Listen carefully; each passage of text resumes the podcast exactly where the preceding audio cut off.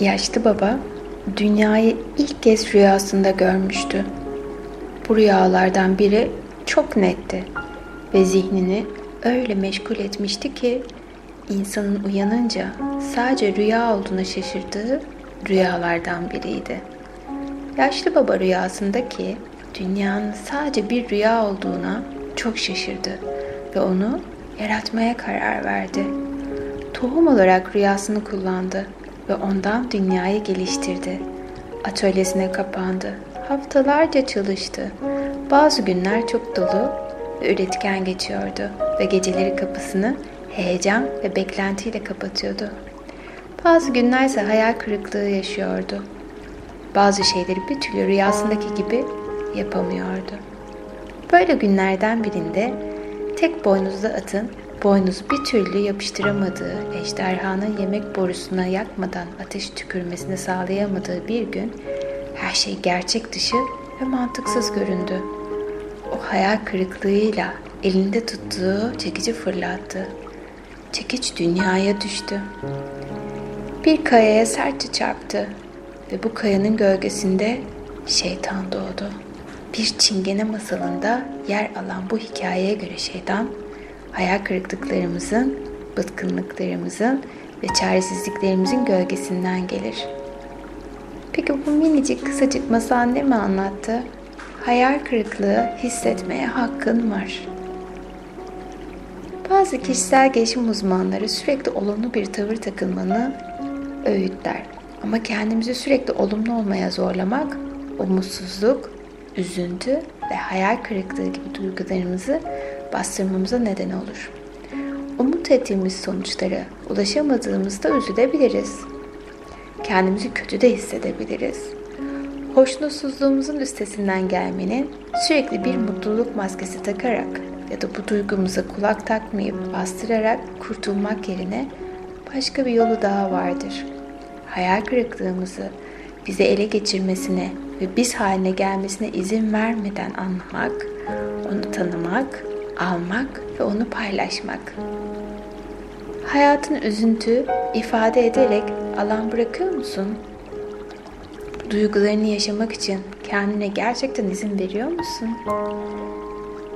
Nasıl ki mutluluklarımızı yaşamamız kısa oluyorsa belki de hüzünlerimize, dertlerimize ve hayal kırıklıklarımıza da bu kadar uzun süreler vermemeliyiz. Her duygumuzu yaşamaya hakkımız olduğu gibi her duyguyu kısa yaşama hakkımız da var.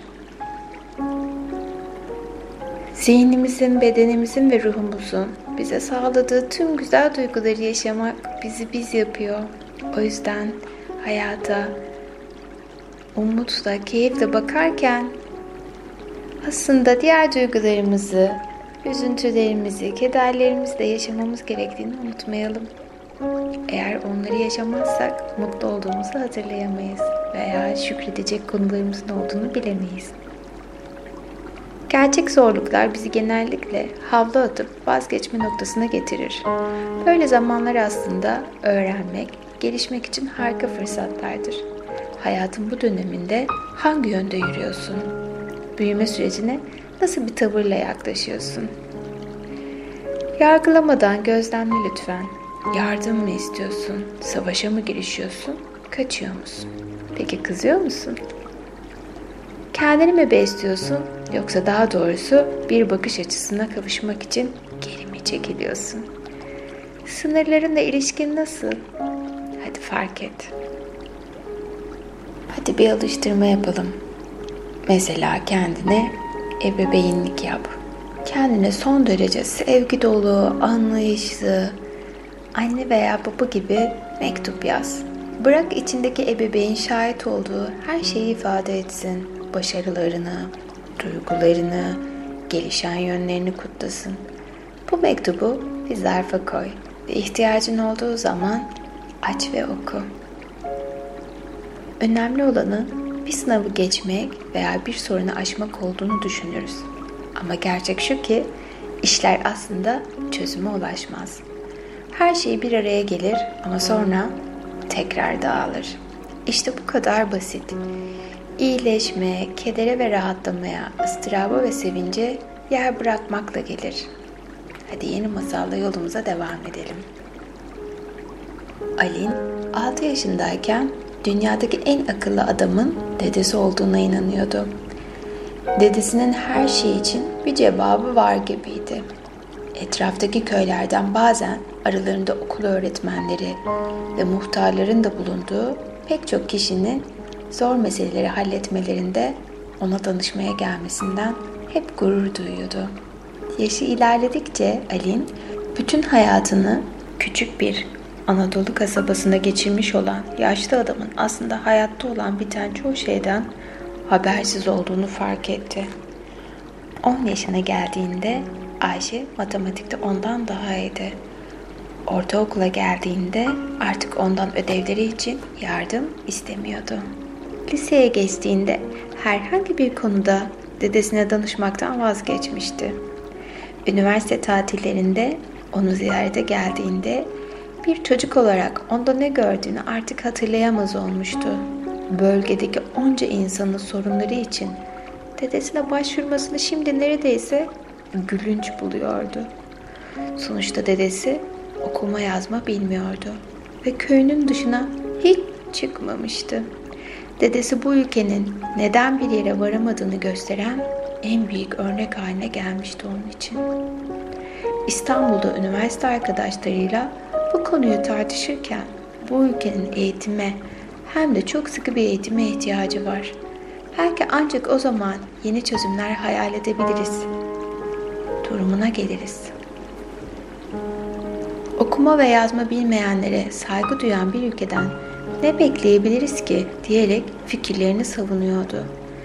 Bir yaz tatilinde yine köye gitmişti. Evde doktora tezini bitirmek için uğraşıyor ama bir türlü toparlayamıyordu. Stresten saçını başını yoluyordu. Bunu gören yaşlı adam torununa yardım edip edemeyeceğini sordu. Hayır dedi, çok tatlısın. Ama sen hiç okula gitmemişken benim neler yaşadığımı nereden bilebilirsin ki dedi Elin.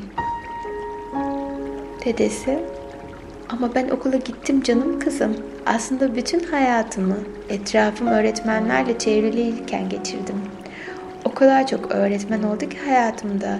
Hepsini hatırlayamıyorum bile. Hayatımın her gününün bana kendi dersiyle geldi. Mesela çocukken telgraf memurunda çıraklık etmiştim. Bana bu hayatta ağzından çıkan her sözün önemli olduğunu ve cümlelerime dikkatle seçmem gerektiğini öğretti. Sonra da demir yollarında çalıştım. Orada bir dakikalık gecikmenin bile hayatının büyük bir parçasını kaçırmana sebep olabileceğini öğrendim. Bu yüzden hiçbir şeyi ertelemem. Tembelliğin veya dağınıklığın hayat treniyle arana girmesine izin vermemen gerektiğini öğrendim. Sonra köyümüze telefon geldi. Burada söylediğinin ta orada duyabildiğini fark ettim.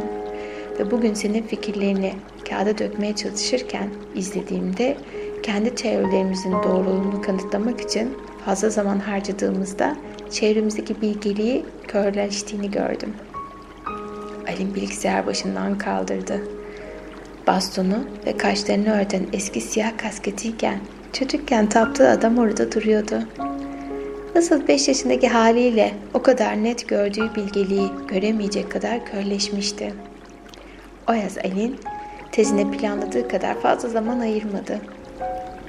Onun yerine komşuların, ağaçların, elektrik tellerinin ve kaynayan tencerelerin kadrolu öğretmenler olduğu başka bir üniversitenin öğrencisi oldu. Hayat bir yolculuktur. Hayat varılacak bir hedef değil, bir yolculuktur. Ama genellikle o kadar hedefe odaklanıyoruz ki bunu unutuyoruz. Tıpkı öğrenmekten çok sınavlara odaklanan öğrenciler gibiyiz. Uzak hedeflere odaklanır, anın verdiği dersleri kaçırırız. 5, 10 veya 20 yıllık planlarımızın hiçbiri şu anda çevremizde olan körlüğümüzü haklı çıkartmaz. Bilmenin dört penceresi. Dünya ve kendimiz hakkında bilgi edinmenin birden fazla yolu vardır. Bilmenin dört penceresi diyerek hissetme, hayal etme, sezme ve düşünceden bahsedilir. Daha çok hakim olmak istediğin bir konu seç ve bu konu hakkında aşağıdaki soruları cevapla. Bu konuya, insana veya duruma odaklandığımda içimde hangi duygular uyanıyor? Hayal gücümün zihnimin orkestrasını yönetmesine izin verirsem bu konu, insan veya durum etrafında ne senaryolar, hikayeler yaratabilir. Sezgilerim bu durum, konu veya kişi hakkında ne söylüyor? Ne görüyorum, duyuyorum, kokluyorum, ne tadı alıyorum? Kaslarımda veya dokunuşumda neler hissediyorum? Bu konu, kişi veya durumu düşündüğümde aklıma neler geliyor? Hadi bu alıştırmayı yap. Etrafımızdaki öğretmenleri keşfet. Cansız bir öğretmen bul ve onunla konuş. Bu doğadan bir element, bir nesne veya teknolojik bir aygıt olabilir. Eline kağıt kalem alıp nesneyi önüne koy. Sorularını yaz ve cevabını dinle.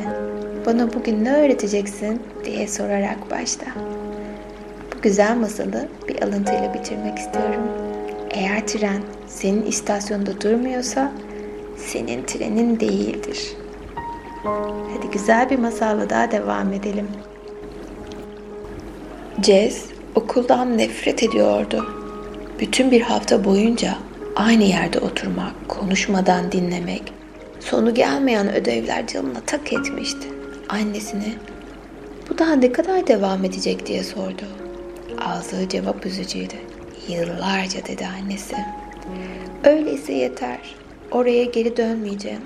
Bana doğruyu söyle. Ortaokuldayken hiç işine yarayan bir şey öğrendin mi? Şey, elbette bir sürü yararlı konu vardı. Geriye dönüp bakınca hayatımda gerçekten işe yaramış mı? Hiç unutmadığım iki ders olduğunu hatırlıyorum. İlki şuydu. İkincisi sınıftayken bir gün sınıfa girdiğimde öğretmenimiz Bayan Carey ortadaki masaya üç büyük kase içinde su koymuş olduğunu gördük. Bizim masanın önünde sıraya dizdi.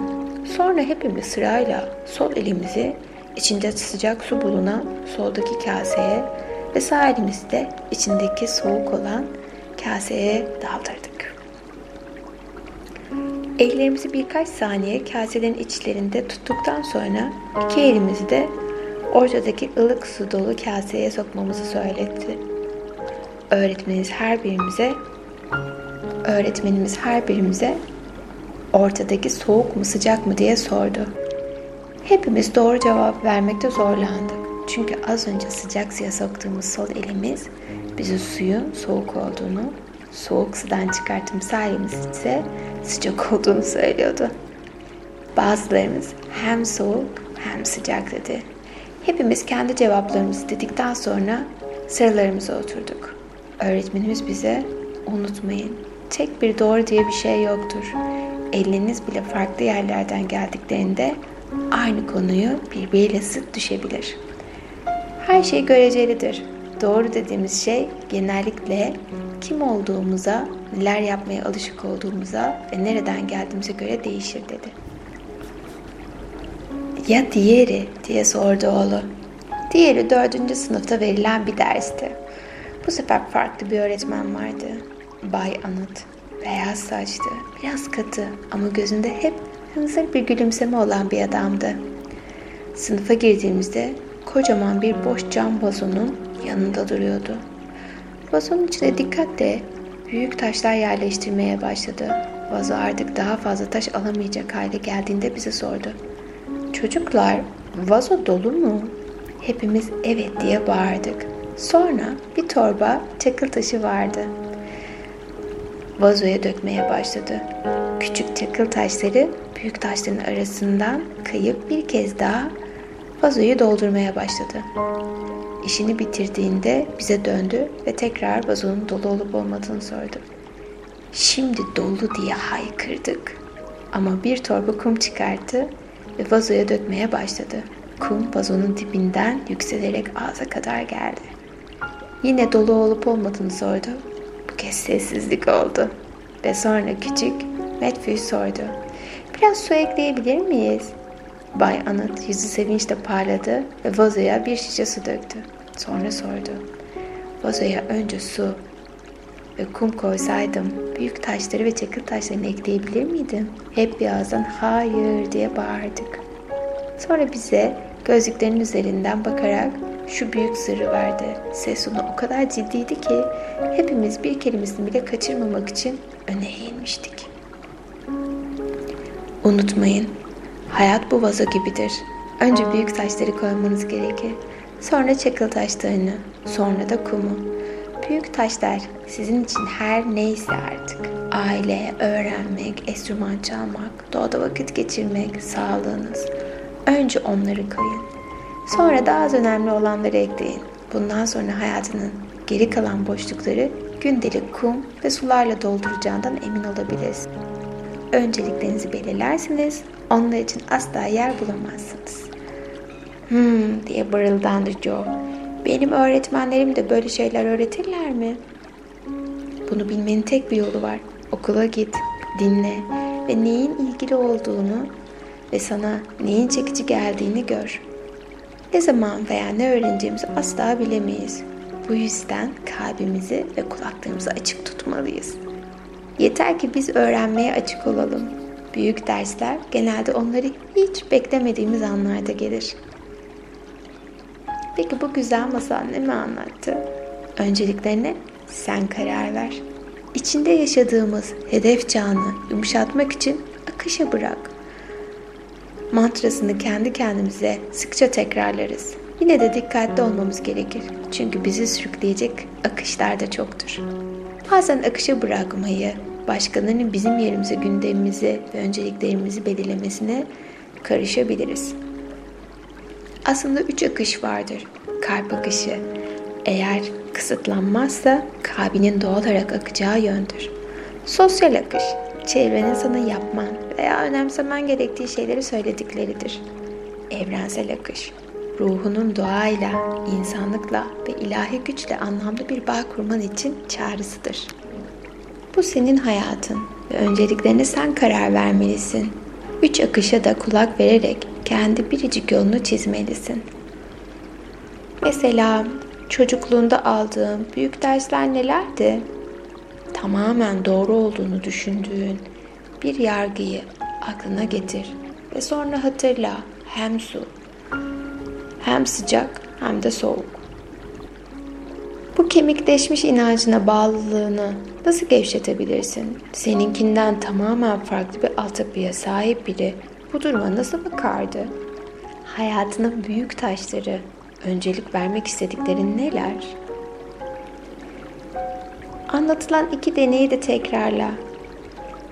Taşı, çakıl taşlarını, kumu, su dolu vazoyu sana önceliklerini hatırlamak üzere her zaman görebileceğin bir yerde tut.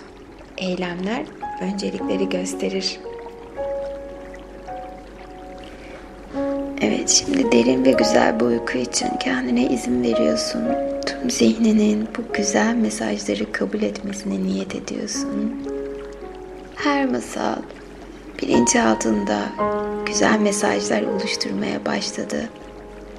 Hem uykuya dalarken hem de kendini şifalandırmanın vermiş olduğu muhteşem duygu durumundasın. Bedenin rahat, zihnin rahatlamış. Ve yeni güne daha enerjik, mutlu, umutlu başlıyorsun. Ve mucizeleri hayatına çekmek üzere derin ve güzel bir uykuya dalıyor. Ve sabahleyin tam uyanman gereken saatte uyanıyorsun. Umutla, huzurla ve gerçekten dinlenmiş şekilde uyanıyorsun. Ve tüm güzellikler hayatına akıyor.